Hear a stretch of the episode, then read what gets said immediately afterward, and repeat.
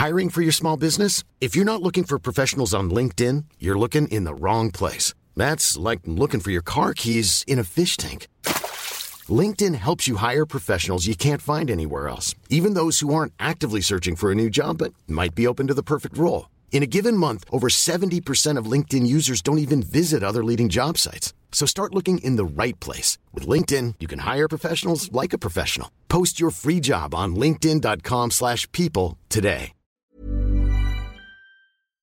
Nu kommer attack ifrån Sugarcane Hanover som går mycket, mycket fort tycker jag. Det är så fort så jag tror att Kallit kan få svårighet att svara. Sugarcane Hanover vänder ut och in på fältet. Startbilen är i rörelse till Svenskt travderby 1987. What the horse, what the driver, nummer ett McLobell och John D. Campbell. Resultat av tredje loppet, Elitloppet SAS första försöksavdelningen. Segrare nummer sju, Marcon Lepp. Maharaja, la Suède. Maharaja s'est retrouvé. Le retour, le comeback de Maharaja le 17. Vid mina tillfällen. Jag trodde att det var en av de bästa hästar jag hade tränat för. Jag tolkade det på olika vis.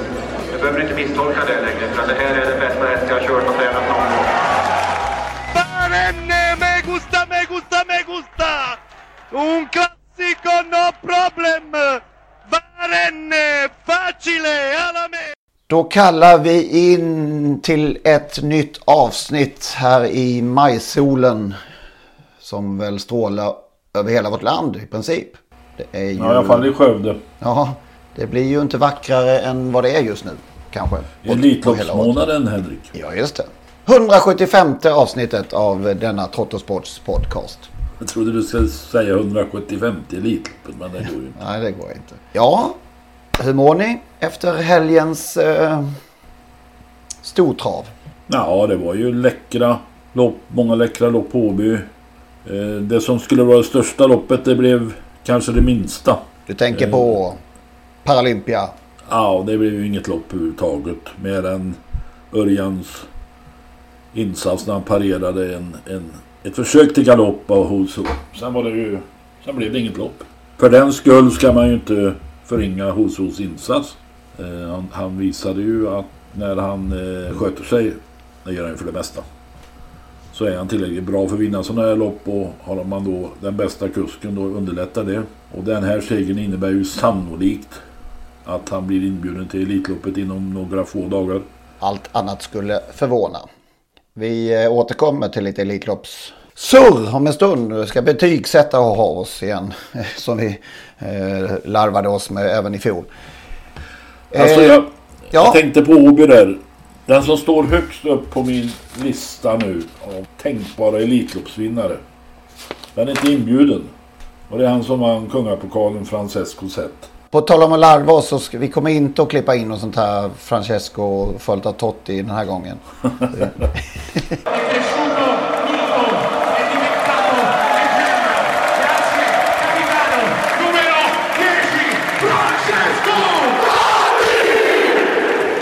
Jag är helt övertygad om att han är Sveriges bästa häst just nu och förmodligen skulle ha toppchans att vinna Elitloppet trots att han bara är fyra år. Mm. Skulle han då bli den första svenskfödde fyraåringen som, som vinner? Så visst är det så då? Ja, det tror jag absolut. Det finns väl knappast några... Kan vi kittla igång eh, Daniel på detta tror vi? Nej, det tror jag inte går. Nej. Jag vet inte hur många svenskfödda fyraåringar som har...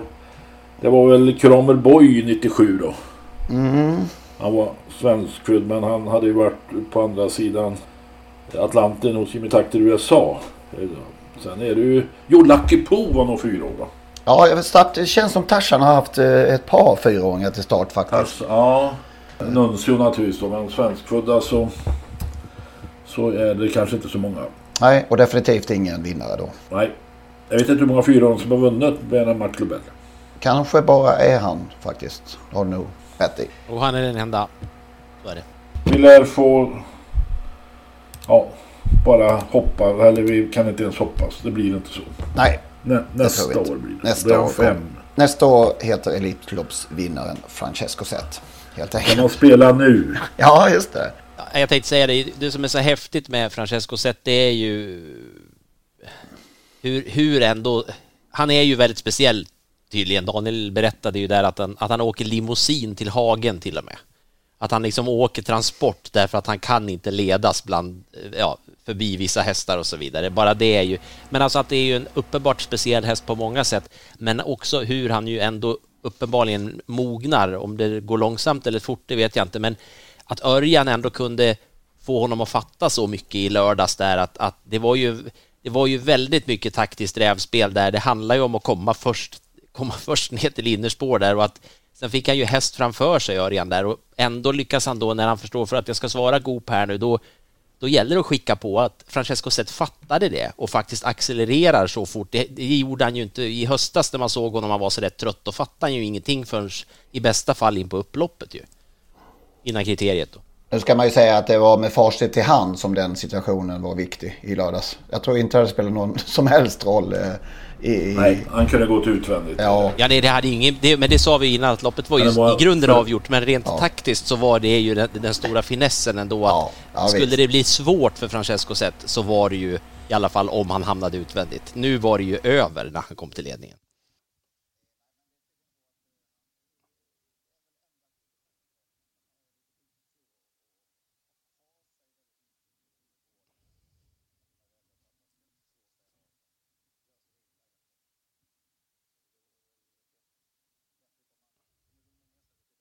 Har han ADHD kanske?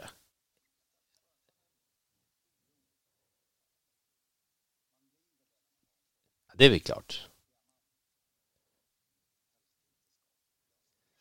Nej, det kan man ju begripa, men jag vet inte om det, om det finns den typen av diagnos, att man diagnostiserar hästar på det sättet inom travet. Men han, han, är ju uppenbarligen annorlunda som sagt på många sätt. Daniel hittar ju liksom inte några vanliga ord för att beskriva hästen heller, utan han hamnar i väldigt filosofiskt... Eh, ja, det är kul att höra honom. Mm. Apropå lördagen där, jag sa en, eh, dristade mig någon gång i höstas till att säga att Deborah SO kommer att vinna Storchampionatet i år. Mm. Och efter drottningens pokal så har jag ingen anledning att ta tillbaka det. Nej, det var en rejäl insats. Det får man säga. Och eh, anar vi att Fredrik körde lite mot fel häst? Kanske? Ja, det, han kunde nog kanske tagit det lite lugnare i dödens där. Eh, sen fick han stryk av en väldigt bra häst, Chebba Mil. Men eh, hon är inte med i Storchampionatet så eh, det här är upplagt för Fredrik Perssons tredje Storchampionatseger blir det väl i så fall. Det måste ändå stå för det uttal vi kom fram till förra veckan att det var Kebba Mil. Vad sa jag då? Chebba. Vi kom... Vi... Shabba Shabba hallå. ja, ja. Kebba. Du varnade ju för, för henne, Magnus, och fick rätt. Ja, det tror jag, jag var väl kanske inte ensam. För mig var hon ju given som första hästen då. Det, man kom ju fel på henne, eller jag gjorde det definitivt i uttagningen, men efter uttagningen kände jag att inte två gånger i rad. Det är ganska märkligt här nu att hon gav 7,25 men 7,27 i uttagningen. Ja. Så det var ju där man skulle tjäna några kronor. Så är det. Det var en strålande tävlingsdag. OB hade räknat med 7000. Hoppats på 10 000. Jag pratar om åskådare. Det blev strax över 5. Och ja, vi har ju, vi har ju ältat detta. Ja, man orkar nästan inte. Nej, det är bara inse. Det går inte. Nej, det går inte. Däremot är jag ju eh, mer fascinerad över dels till att börja med. Går det in 7000? Och hur i herrans namn ska Åby få in 10 000? På de här ytterst små publikutrymmena. Jag fattade inte faktiskt. Det såg ju ganska fullt ut som det var nu. 5000. Och då var det fullt inne på restaurangerna och alla de utrymmena. Vad ska de behålla hus? Det är trångt. Ja, det är trångt. Ja, men det såg ändå trevligt ut. Bilderna alltså, alltså för första gången på jag vet inte hur länge så såg det ju lite fullt ut på en travläktarplats mm. alltså på platserna som vi brukar säga. Det, var något mer från dagen där då som, som är värt att beröra? Det var ju eh, en situation va? Ja, det var ju en situation just med inblandade då eh, Fredrik Persson där, Deborah SH där som eh, svarade Örjan lite sent med Glamorous Rain.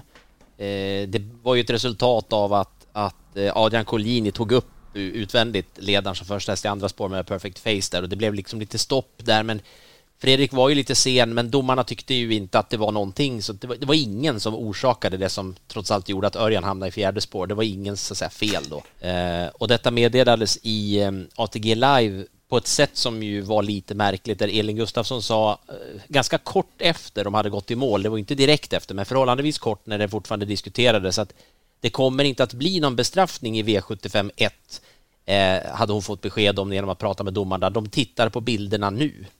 Eh, och det var väl, reagerade jag lite på att det kändes som att Elin, om hon inte uttryckte sig väldigt otydligt och så lät det ändå som att hon hade varit i kontakt med domarna innan domslutet var fullt färdigt då. Eh, och det låter ju kanske inte riktigt vettigt. Nej, det, det låter o, helt obegripligt att media har direkt kontakt med domarna. Jag, jag vet att vi, ehm, att jag i alla fall reagerade på när Solvalla vid någon utsändning eh, gjorde reklam för typ att de minsann skulle ha direktlinje med domarna under tävlingarnas gång. Om det liksom, ja, minns ni detta inför en V75-dag i fjol?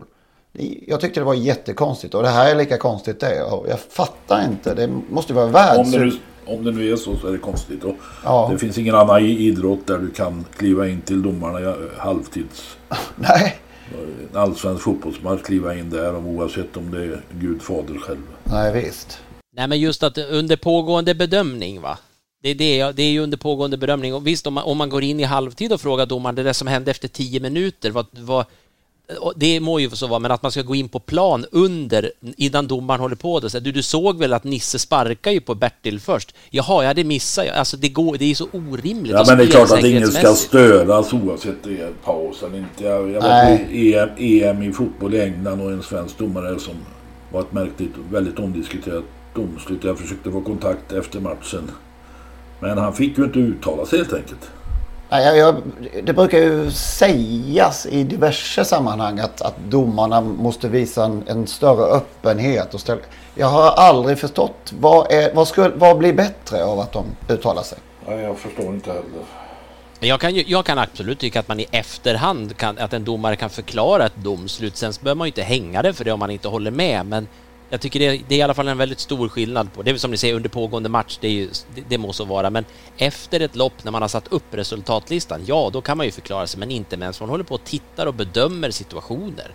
Då ska ju ingen kunna ens komma i kontakt. Det, det tycker jag är så... Jag kommer ihåg när, eh, när Lennart Forsken var ute på banorna under ganska många års tid och det uppkom eh, tveksamheter kring ett domslut. Då gick han in uttalade han mycket tydligt i sändningen också att han, jag, har varit inne och pratat med dem nu. Och, ja, det, det, det är helt främmande, alltså o, obegripligt för mig. Att, att, jag har varit inne och pratat med dem och jag sa till dem så här ska ni döma. Ja. Dörren borde vara låst. låst. Telefonerna borde vara enbart för utgående samtal. Och jag vill dra det så långt att under hela tävlingsdagen få start till mål. Ingen ja. ska komma i kontakt med dem. Nej mellanloppen heller. Och man lockar ut de här måldomarna som inte, inte är särskilt mediatränare mitt i, under tävlingsdagen och under stress och ja. ska förklara. Det är, det är galenskap. efter, efter, man kan ha en stund efter tävlingarna, då är ni välkomna. Ja, det är riktigt. Det, det kan jag också hålla med om. Och sen, men, men just det, som det nu uttrycktes då så var det ju under pågående bedömning och det, jag, jag, jag, är förvånad att inte, att inte man uppmärksammade det mer och framförallt tycker jag att man får nog ändå klargöra det från ATGs håll eller kanal 75 vad man har för kontakt med funktionärer under tävlingsdagen för sån gräddfil ska ju ingen ha. Det är ju... Nej, det är ju ja, nej, det är horribelt faktiskt. Kan vi gissa att, att Elin uttryckte sig lite slarvigt? Ja, förmodligen kanske det blir den officiella förklaringen också, men då, där och då så lät det ju inte så. Det, det, det får man nog säga. Jag gillar ju Elin, men det där lät inte så bra. Ja, men jag tror inte det, det har liksom inte det att... Ja, det händer nog titt som tätt det här. Så det är inte att hänga ut Elin Gustafsson på något sätt. Utan nej, väl, absolut inte. Det var väl någon drottningens pokal som avgjordes eh, med inblandning av en utsänd reporter. Så att, mm. ja, det där, jag, jag, jag, har ju, vet jag inte om jag någonsin har tagit upp i vår podd här heller, men en annan sak som jag ju tycker är märklig när vi ändå är inne på ämnet, det är ju det här när, när utsända reportrar också hjälper till innan lopp med utrustningsgrejer på hästar och sånt där. Det är ju samma sak där. Ska det vara någon annan än skötare eller tränare som ska röra en häst innan ett lopp? Ska man verkligen ha journalister som springer runt och stoppar? det, det fattar jag inte heller. Jag, jag, jag förstår. Blev du förolämpad? Ja, de, jag menar så här. Ja, jag vet, jag insåg det. Mediefolk då. Det är klart, Nej, om, alltså det det- uppstår, om det uppstår en eh, kink i en eh, allvarlig situation och man kan Ja. rädda, göra livsräddande insatser. Men det är, klart, Absolut. är, det är klart de ska inte vara behjälpliga med att sätta på bot och höja käk och sådär. Det är, det är, o, o, det är ja. Ja, man ser det ju då och då faktiskt. Man gör ju det än idag och, och det tycker jag är, eller än idag, nu vet jag inte när det var senast, men det är inte så länge sedan. Att det är, det är som lite som du var inne på Henrik där, att det, det görs Saker görs så pass ofta så att man funderar inte ens över om det är fel eller inte. Nej, utan det har blivit, man så. gör så bara. Men Är det någon som har sett en fotograf bakom ett fotbollsmål hjälpa någon spelare som ligger och har kramp? ja, det, där kanske gränsen går liksom. Det är som du säger, livräddande aldrig, insats. skulle aldrig hända. Det närmaste jag jag kan eh, erinra mig är att bollkallarna ett tag var väldigt drillade på eh, Romas hemmamatcher att lägga bollen i hörn, den här hörncirkeln. Så att de kunde lägga eh, hörnorna väldigt snabbt. De hann göra ett par mål på, på detta så att inte motståndarna var beredda helt enkelt. Sen förbjöds, förbjöds det av förbundet. eh, Jävla skojare i Roma. Ja, jag vet. skojare. Allting är Ja, på men det är väl inte, var det i höstas eller minns men Mourinho var inte, det är väl inte så väldigt långt tillbaka i tiden som han ju efter någon match hyllade en bollkalle som hade så oerhört snabbt kastat ut en boll så passande bra i, när det var tidsnöd på slutet där. Att det var, Ja, det var synnerligen bra gjort. Han fick någon dusör där av Mourinho. 100 000 kronor. Ja, nej, men bort med mediafolk ifrån, ifrån eh, tävlingarna på det som kan Ja, påverka från- på något sätt. Bort med dem från travbanorna. Ska det inte vara någon publik där ska det inte vara någon media heller.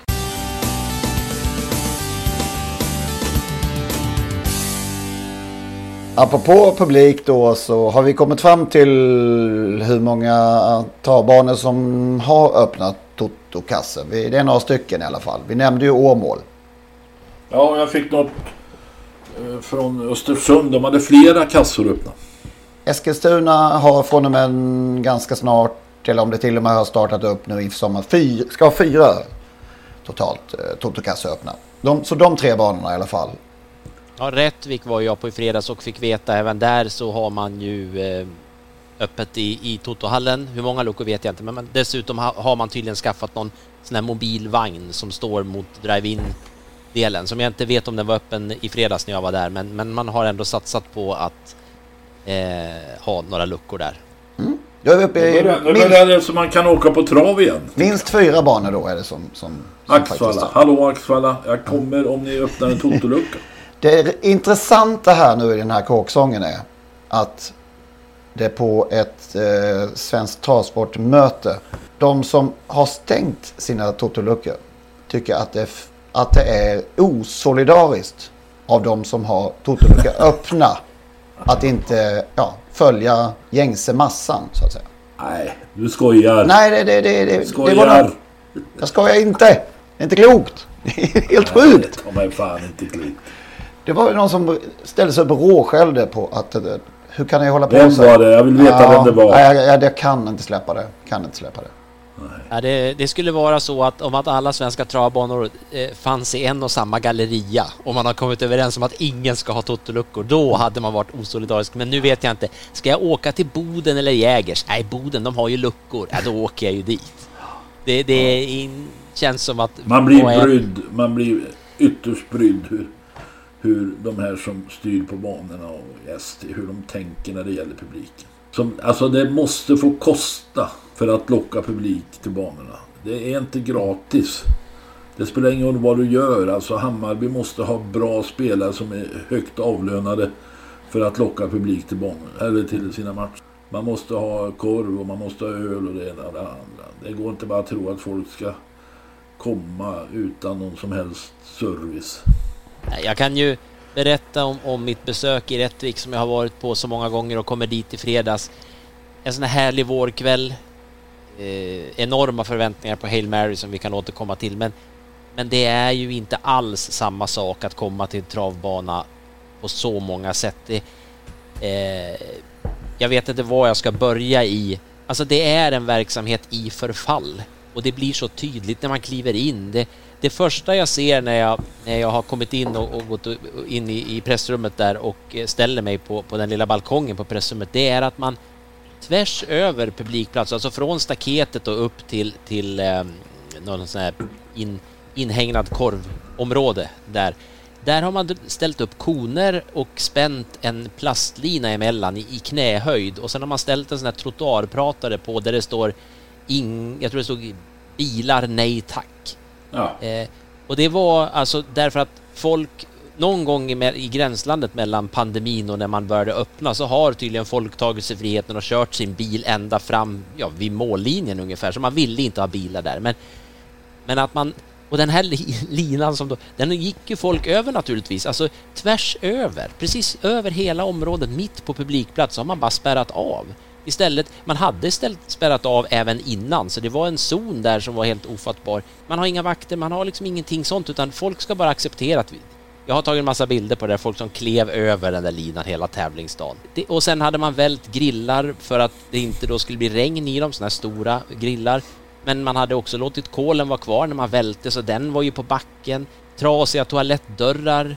Eh, alltså det, det var jättetråkigt att se alltså. Det är ju, det är ju Ja, folk hade med sig egen, eh, egna kassar, verkligen helt uppenbart. Egna totokassor. Ja, men så, och sätter sig på de stängda restaurangplatserna utvändigt då, eller de serveringsplatserna och liksom lyfter sina burkar ur egen med, medhavda kassar där och ja, jag vet inte, jag ska inte återge en del av de samtal som jag hörde heller liksom. Det, det kändes som att det var, det var fritt fram på publikplats på något sätt all, för alla utom bilarna då. De fick inte komma där. De håller väl till i Backakurvan annars? Ja, och det var väl samma där. Alltså, det var det första beviset. Normalt sett en sån här fredagkväll på våren, man kommer ihåg, och vi rullar ju in alltså en timme innan start, då visste man ju att det är chanslöst att få någon bilplats närmast staketet. Det är förmodligen fullt även på andra delen, liksom mot, mot reklamskyltarna där. Eh, men det var ju knappt några bilar på drive-in då. Och det var ju knappt något folk heller där. Va? Det var några tappra som skrek på läktaren och några andra som sagt med de här burkarna som förde mer eller mindre begåvade samtal och sen två tjejer som tog autografer av varenda kusk som vann där och det var ju härligt att se. Ehm, men det är annorlunda. Det är, jätte, det är en väldigt märklig grej att, att tycka om trav men att komma och se det här. Jag, jag, jag förstår inte en förstagångsbesökare. Varför skulle de komma tillbaka om nu inte Hail Mary kommer igen då eller något? Så att det tyvärr. Och banorna, det är som säger, det, det är svårt för banorna vad ska de göra? De får ju dubbla signaler ifrån svensk travsport. Ena stunden, vi satsar för att få publiken, nästa, stäng allting. Hur ska de göra? Vad ska de, hur ska de tänka? Men du fick se en fin häst. Ja, alltså jag var ju där för att se Hail Mary och varför inte prata om något som var positivt och det, det kittlade. Vi var inne på det förra veckan. Jag längtade hela ända fram och jag kollade väderappen så att det skulle bli fint väder så man skulle få allt på en gång. Men och bara väntade in då på att, att det skulle komma en Hail Mary där och det gjorde han ju först i några bakvarv på, på inneplan där och sen kom Daniel ut och redan första bakvarvet, man såg, alltså det var ju ett driv i hästen. Man kände ju direkt, han, han är i alla fall glad, Hail Mary. Det är ingen tvekan om att han trivs ute på banan nu. Det som han såg ut förra året där när han liksom inte satte, det fanns ingen harmoni någonstans, vare sig i rörelsemönster eller uppträdande. Och sen körde Daniel till, inte så där jättefort som han gör många gånger i bakvarven då, men, men det andra bakvarvet eh, när han passerade på, på eh, publiksidan där, det var ändå pampigt att se en häst som ville springa. Daniel hade liksom fullt i, i linorna där, liksom. han behövde inte säga åt honom att kuta. Och sen såg väl, ja, de flesta har väl sett det där loppet sen. Det, det var ganska tung prestation kan man säga. Jag vet inte hur många som har sprungit 10 blankt på, i, på Rättvik faktiskt. Det är ju inte världens snabbaste bana. Har aldrig varit. Nej, Million Dollar Rhyme sprang väl 9,5 eh, förra året tror jag. I någon sommar. Men det var inget...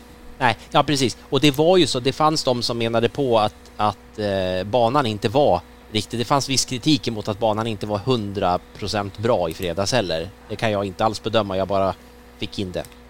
Eh, att det var så. Och, och med tanke på det så, och Hail Marys historia och så vidare så det bekom inte honom det minsta i varje fall vad det syntes. Ja, det var spännande verkligen. Ska vi ta då och uh, gå igenom de hästar som...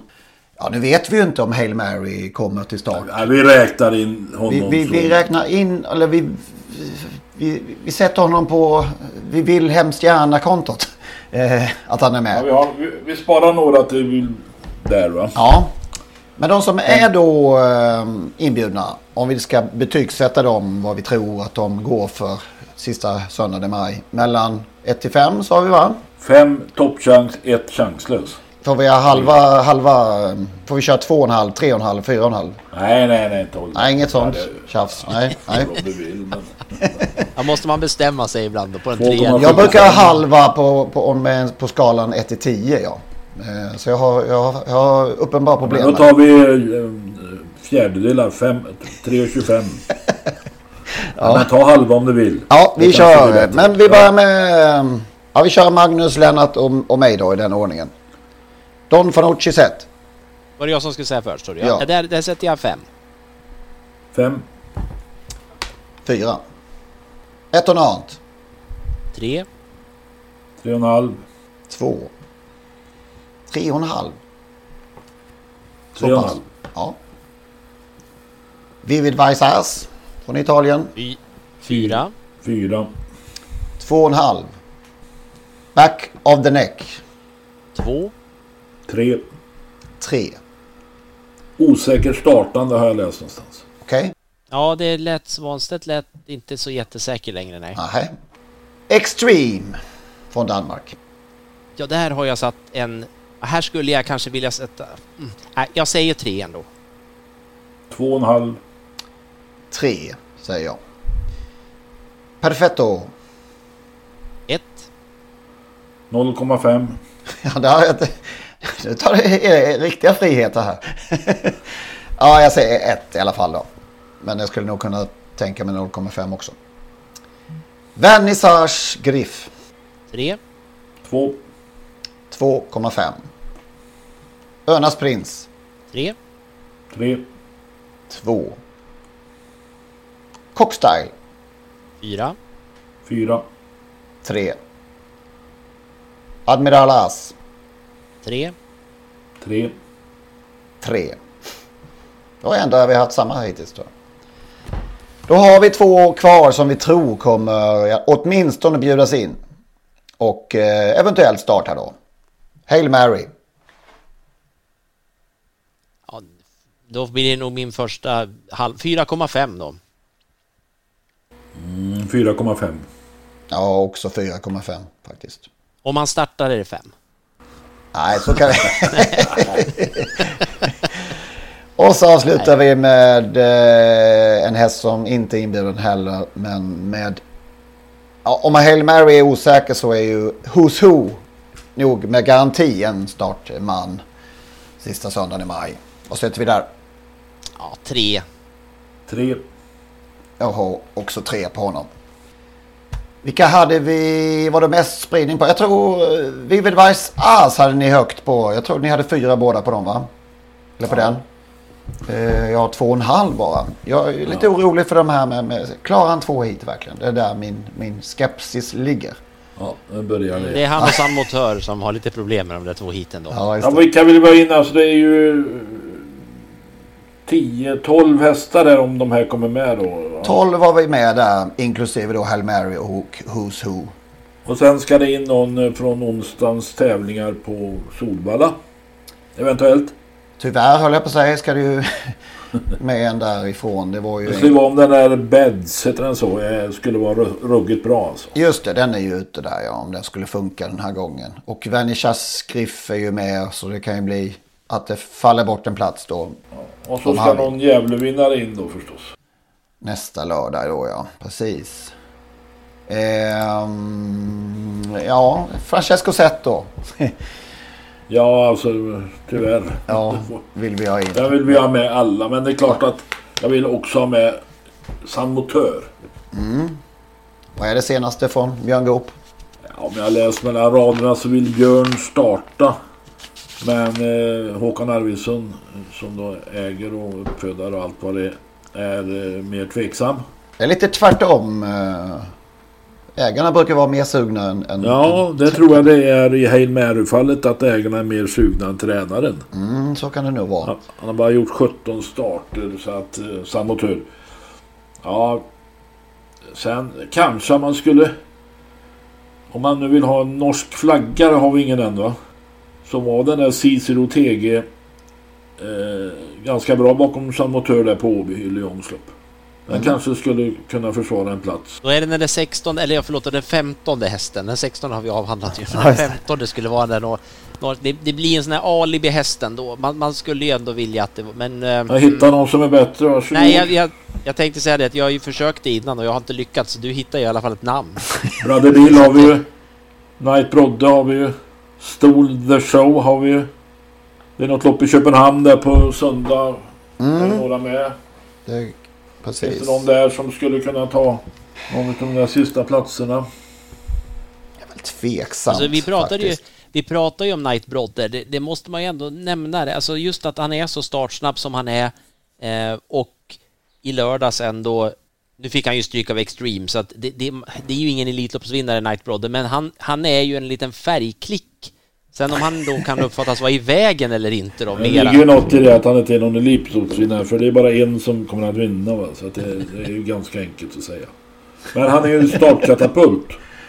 Ja men han är, det är det jag menar, jag var inne på det tidigare också, att det är det han, han det är ju kul med hästar som kan springa fort. Sen om han inte gör det sista biten, men nu var han, han blev ju definitivt inte avklädd i lördags i alla fall. Det var ju betydligt fler i det loppet som blev rejält avklädda.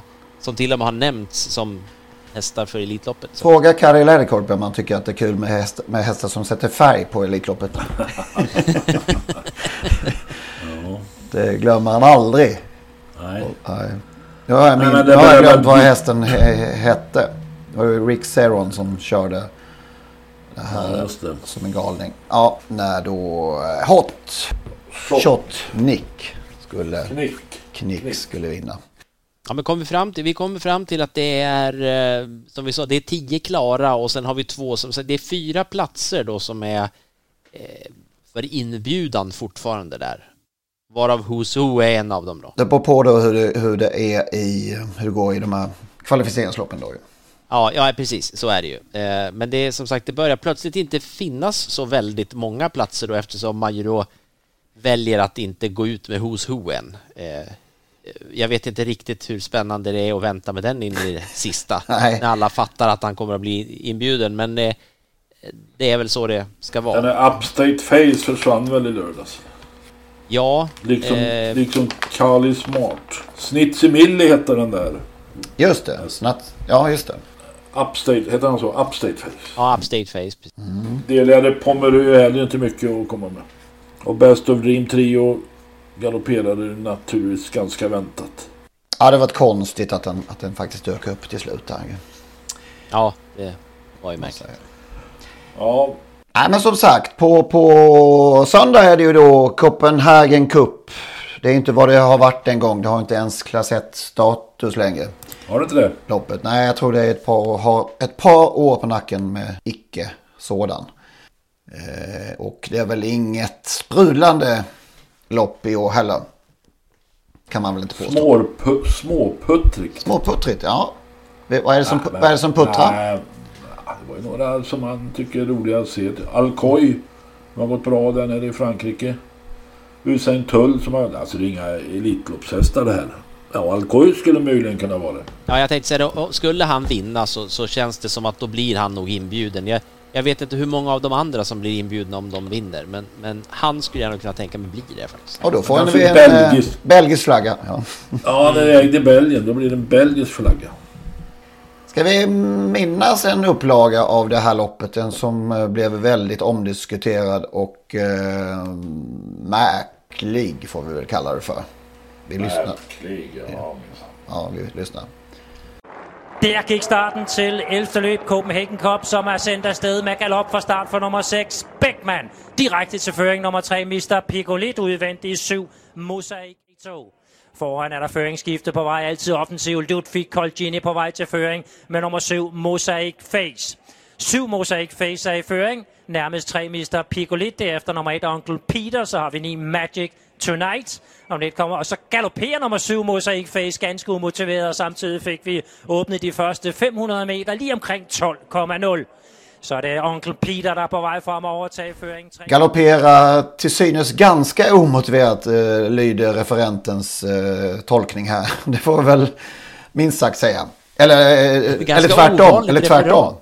Ja. men det, det, är inte ofta man, man hör en, en, en, referent uttrycka sig på det sättet heller. Och sen var ju det här en väldigt speciell situation ju. Ja. Men... Han var ju inte jätteglad efter Collini.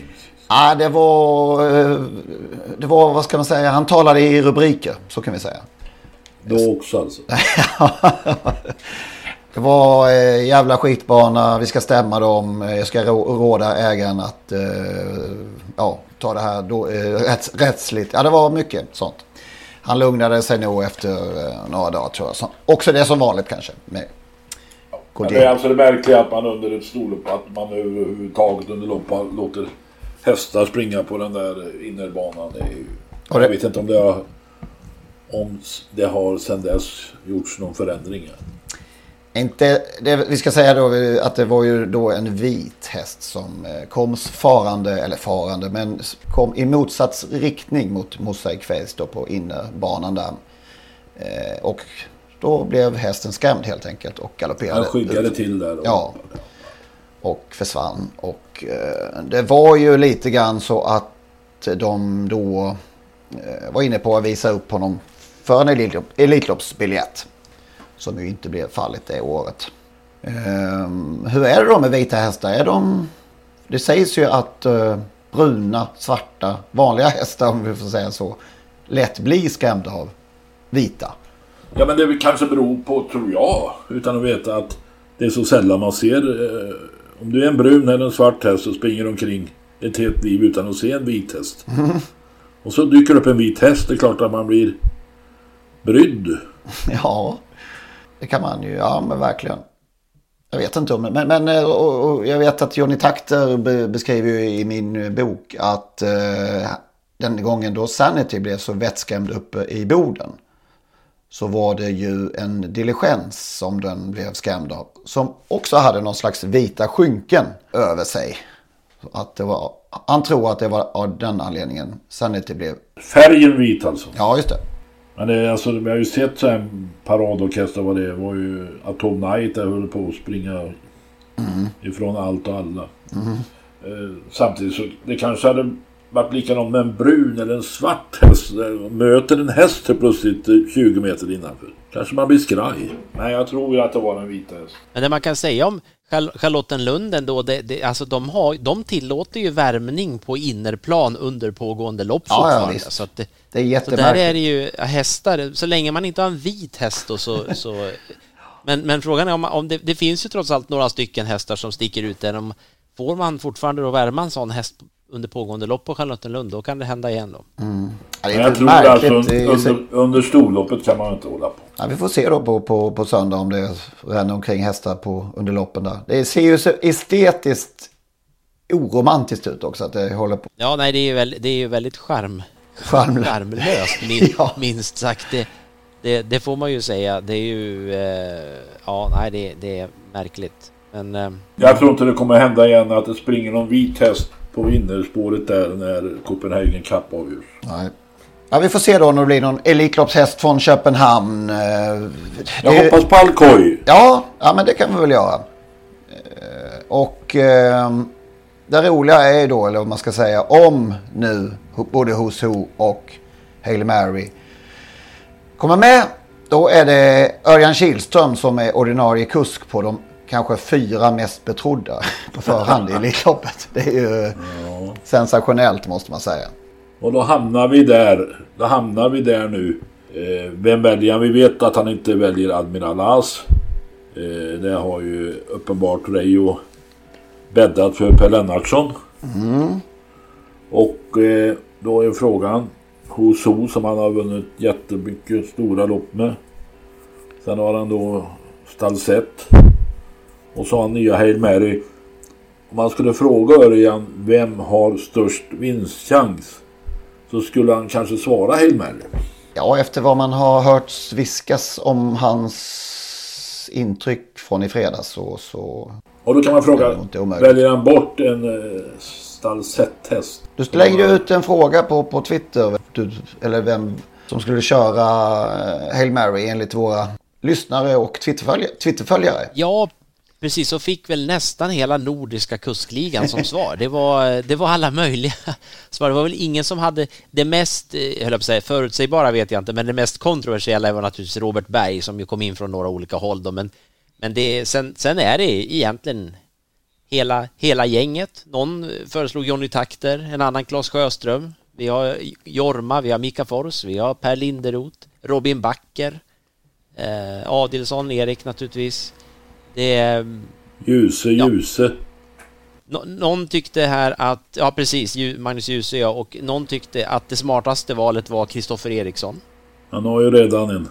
Ja, så att, ehm, och Hans-Ove Sundberg är ett förslag också. Det, är, det tycker jag, det är väl det mest, det skulle man bli förvånad. Även någon har föreslagit Tarzan.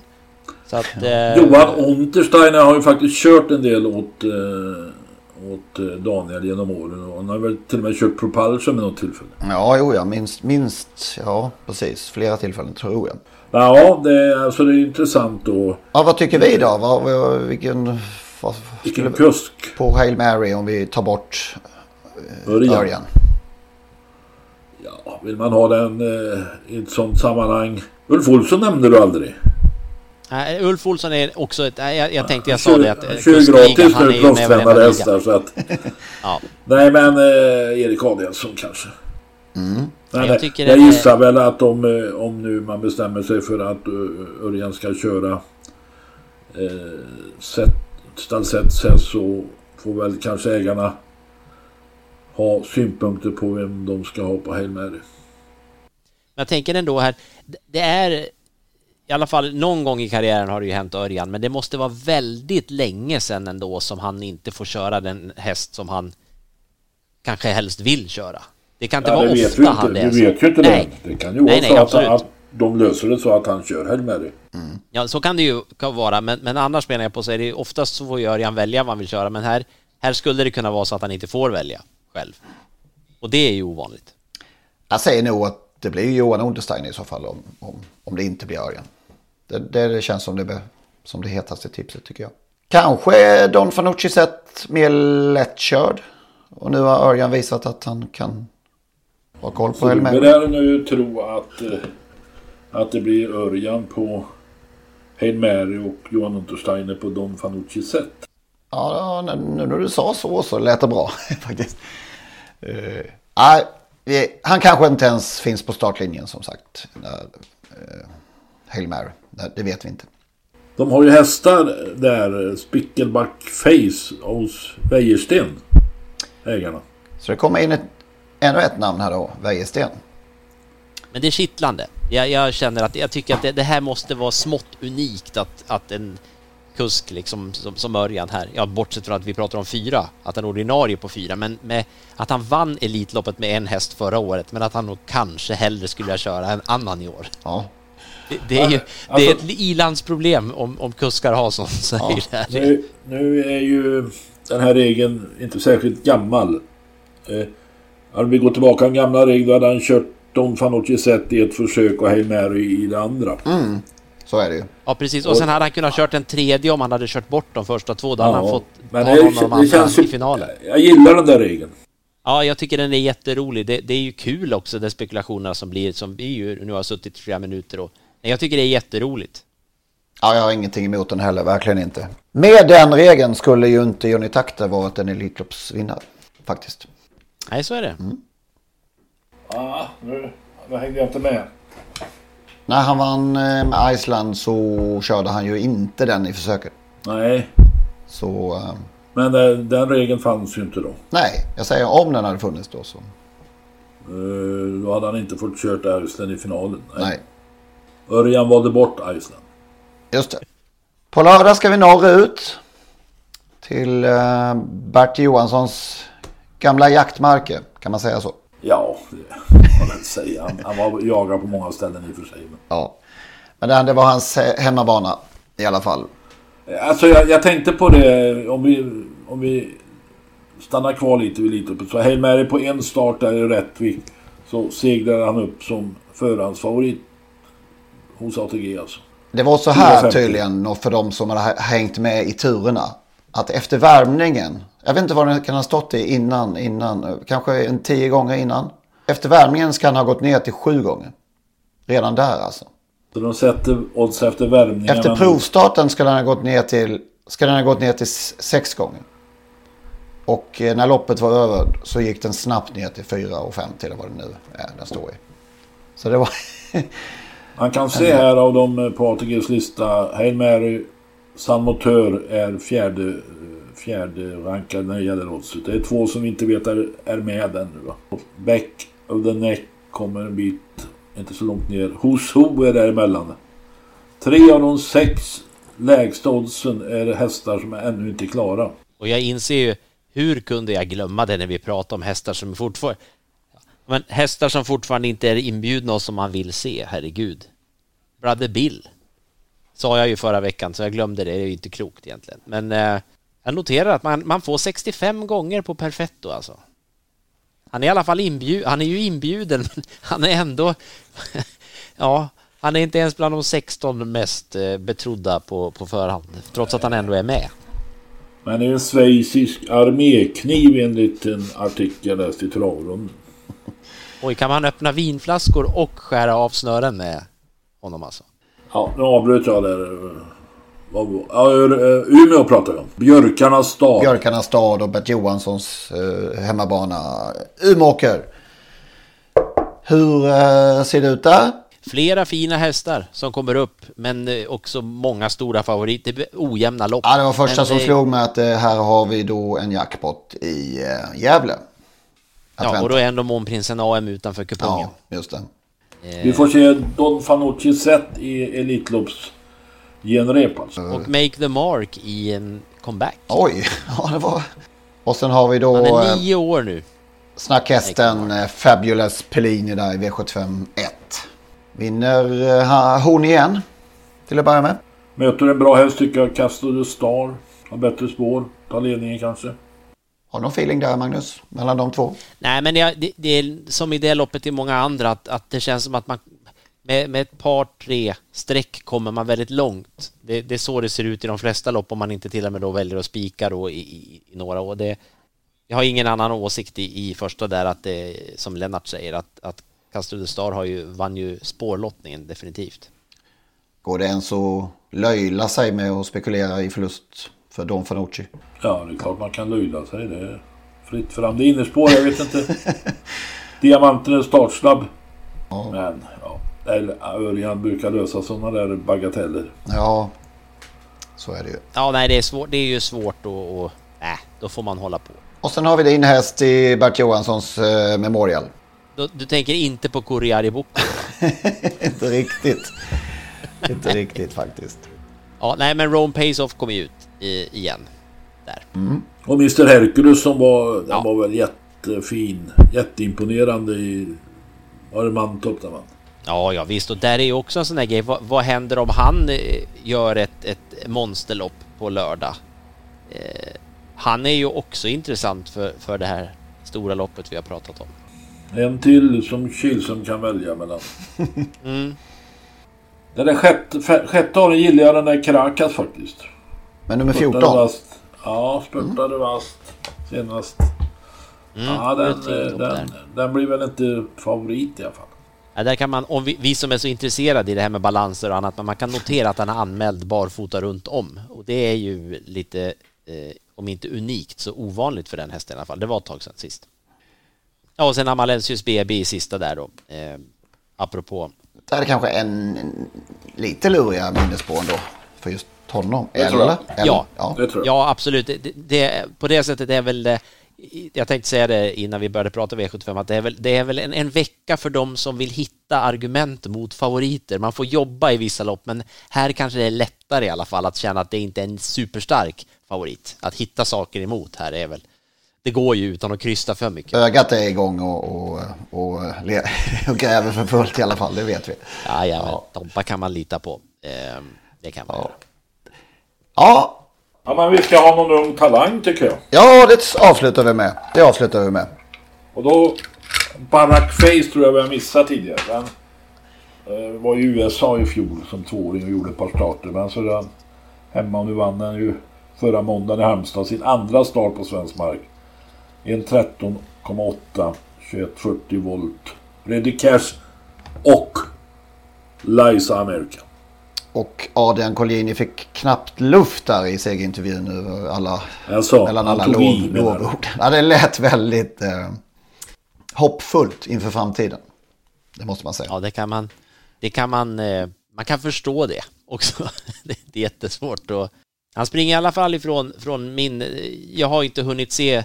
Förra veckan hade jag fullt upp med att följa de som som jag har. Ja, men precis. Det är vår nya programpunkt. Har ni råd att inte eh, häng, haka på eh, Trottosports eh, tidigare talanger? Ja. För det var en uppvisning i, i seger för sådana som vi har nämnt faktiskt.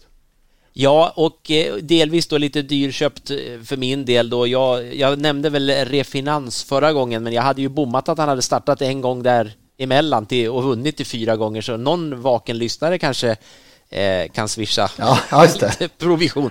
Nej, han vann ju nu här i, i veckan till 2,90 och det var, gå gärna in och kolla på det loppet i efterhand för att det, det var mycket spel för pengarna. Det var inte så att man satt, sprang iväg till den här totoluckan i, i förtid i alla fall, det kan jag säga. Men eh, han visar att han är inte, det inte var inte fel att nämna honom som, som en, en eh, talang. Sen eh, hände ju också en sån här dyrköpt grej när jag hade precis anlänt till Rättvik och eh, tittat på alla dessa avspärrningar och annat så bommade jag starten i ett lopp på Kalmar. Där vann Konrad Lugauer med den här Jim Baranzon som vi har pratat om.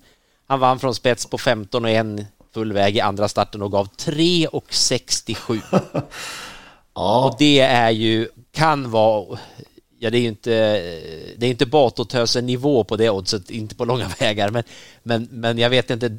Ja, det, är jag vet, det var någon häst med i det loppet som, som måste ha haft ett enormt bra rykte då eftersom som den här hästen som gjorde en så bra debut gav 3,60. Eller har vi för få lyssnare?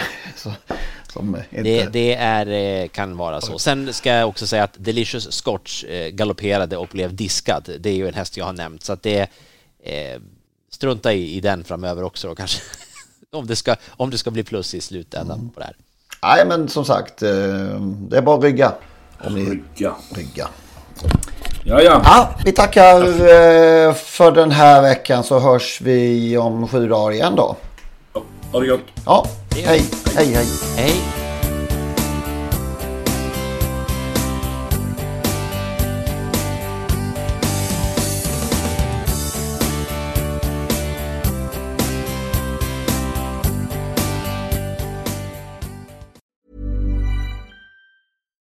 Deserves the best, and there's no better place to shop for Mother's Day than Whole Foods Market. They're your destination for unbeatable savings, from premium gifts to show-stopping flowers and irresistible desserts. Start by saving 33% with Prime on all body care and candles. Then get a 15-stem bunch of tulips for just $9.99 each with Prime. Round out Mom's menu with festive rosé, irresistible berry chantilly cake, and more special treats. Come celebrate Mother's Day at Whole Foods Market.